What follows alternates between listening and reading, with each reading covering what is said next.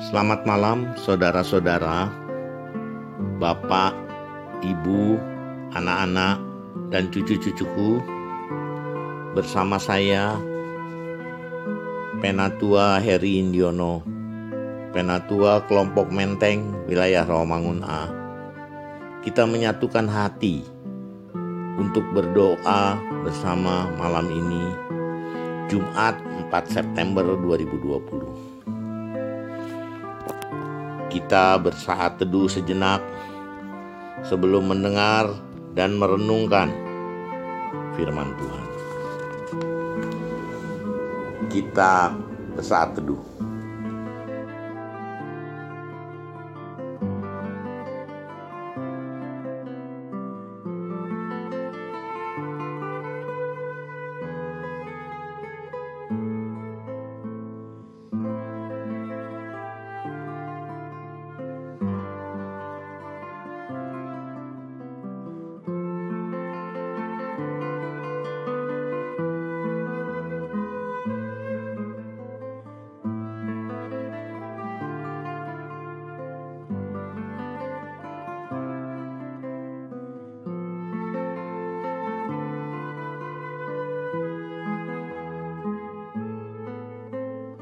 Pembacaan Alkitab malam ini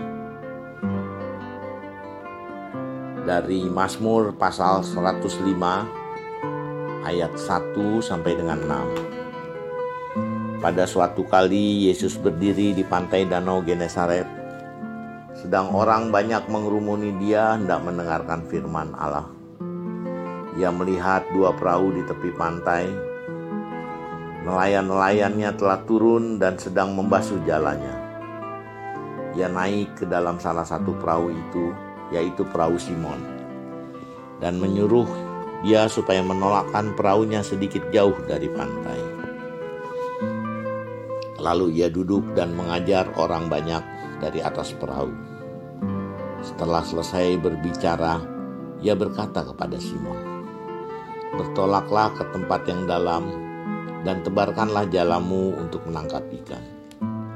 Simon menjawab, Guru, telah sepanjang malam kami bekerja keras dan kami tidak menangkap apa-apa. Tetapi karena engkau menyuruhnya, aku akan menebarkan jala juga. Dan setelah mereka melakukannya, mereka menangkap sejumlah besar ikan, sehingga jala mereka mulai koyak. Lalu mereka memberi isyarat kepada teman-temannya di perahu yang lain, supaya mereka datang membantunya.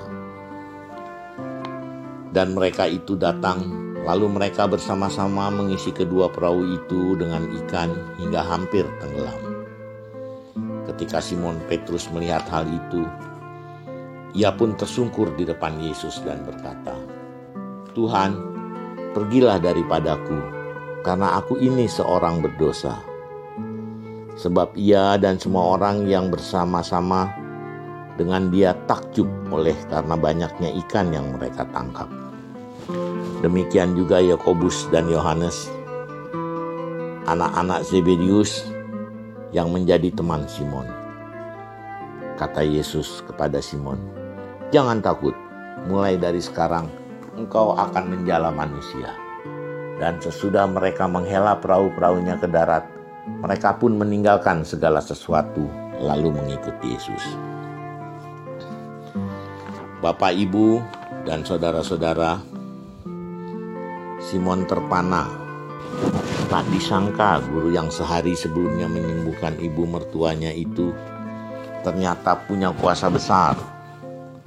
Yesus tak hanya mampu menyembuhkan penyakit, dia punya kuasa dan keahlian lebih dari nelayan Danau Genesaret. Mulanya Simon enggan saat Yesus menyuruhnya. Simon menjawab, "Guru, telah sepanjang malam kami bekerja keras dan kami tidak menangkap apa-apa. Tetapi karena engkau menyuruhnya, aku akan menebarkan jala juga." Di sini kita bisa belajar bersikap sebagaimana Simon. Secara rasio dan pengalaman selaku nelayan, mereka tak mungkin mendapatkan ikan lagi. namun ketaatan melampaui rasio juga pengalaman. Ketaatan itulah yang diperlihatkan Simon di sini. Dan dia taat meski hati dan otaknya sulit menerima perintah itu. Dan ketaatan itu membawa berkat. Tindakan Simon itu membuahkan hasil di luar dugaan Simon sendiri. Begitu banyak ikan yang tertangkap sehingga mereka perlu bantuan dari nelayan-nelayan lain. Jalan mereka syarat dengan ikan, bahkan mulai koyak. Menarik diperhatikan ketika Simon menyaksikan peristiwa tersebut.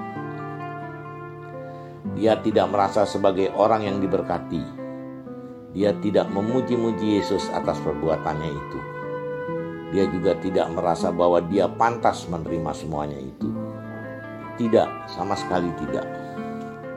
Sebaliknya, yang dilakukan Simon ialah tersungkur di hadapan Yesus dan berkata, "Tuhan, pergilah daripadaku, karena aku ini seorang berdosa."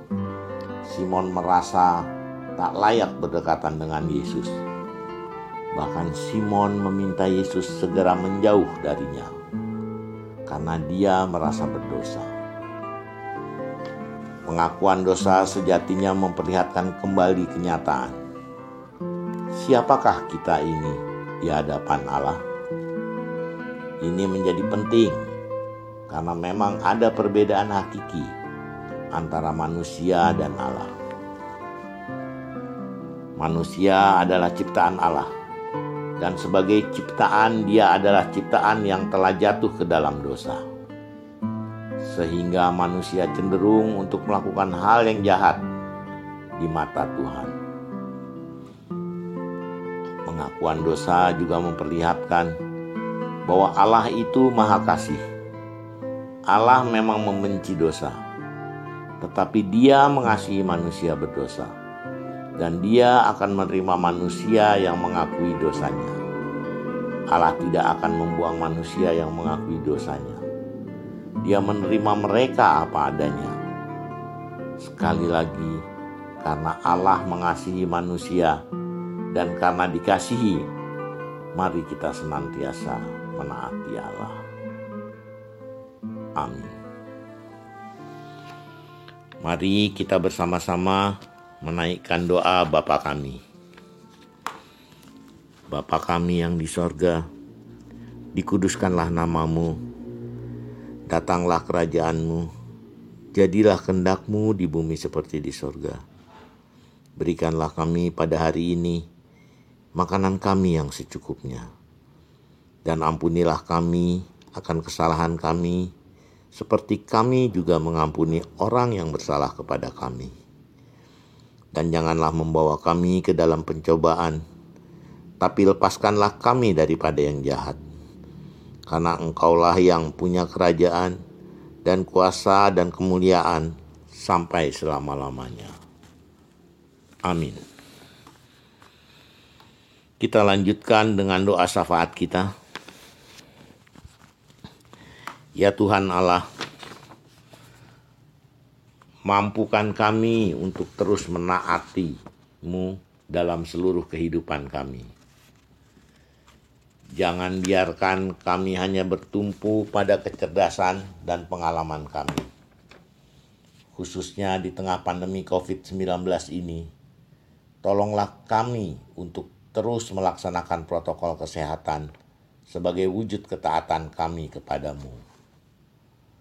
Dosa kadang menggoda kami untuk mencoba bermain-main dengan virus corona Padahal menjalani protokol kesehatan merupakan salah satu cara Tuhan memberkati kami pada masa pandemi ini.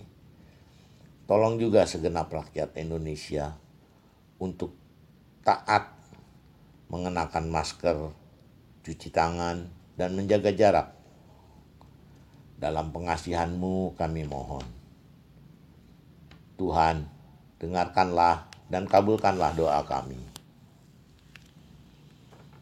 Kami juga menyerahkan segenap penderita COVID-19.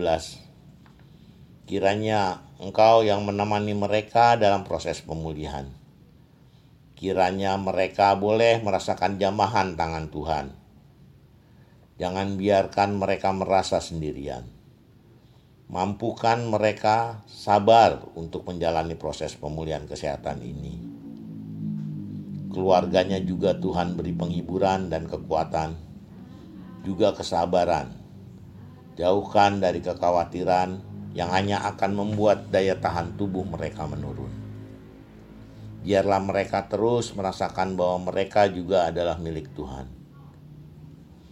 Dokter dan para medis, juga petugas rumah sakit, kiranya Tuhan berikan kesabaran dan hikmat dalam merawat saudara-saudara kami ini. Berikan mereka juga penghiburan dan kekuatan. Mampukan mereka juga boleh terus menjaga diri melalui protokol kesehatan maksimum Kiranya engkau juga menjaga keluarga mereka. Biarlah engkau juga memberi penghiburan dan kekuatan. Jauhkanlah dari rasa cemas dan khawatir. Dalam pengasihanmu kami mohon. Tuhan, dengarkanlah dan kabulkanlah doa kami. Ya Tuhan Allah kami, kami mohon berkatmu bagi proses uji klinis vaksin COVID-19 di Bandung. Berkati semua pihak yang terlibat. Kami sungguh berharap ditemukannya vaksin ini. Kami juga bersyukur atas keberadaan para relawan yang menyediakan diri untuk terlibat dalam proses ini. Biarlah engkau beri penghiburan pula kepada mereka. Berikanlah kemampuan kepada pemerintah bangsa kami untuk mengambil kebijakan-kebijakan terbaik dalam pandemi ini. Jika ada rencana pemerintah bangsa kami meningkatkan daya beli masyarakat dengan subsidi gaji bagi yang bekerja formal, kiranya Tuhan juga memberkati rencana ini. Juga tolong pemerintah dalam mencari jalan untuk menyalurkannya bagi para pekerja informal jika ada rencana pemerintah untuk memberikan bantuan kepada penggiat UMKM, kiranya usaha ini pun dapat berlangsung dengan baik, tepat sasaran, dan bebas dari penyimpangan. Kami serahkan negeri kami ke dalam tanganmu ya Tuhan, karena kami percaya Engkau mengasihi negeri kami. Inilah syafaat kami ya Tuhan, dalam pengasihanmu kami mohon. Tuhan, dengarkanlah dan kabulkanlah doa kami. Amin. Saudara-saudara, tetaplah setia menjadi pendoa. Selamat malam, selamat beristirahat. Tuhan menjaga kita semua. Terima kasih.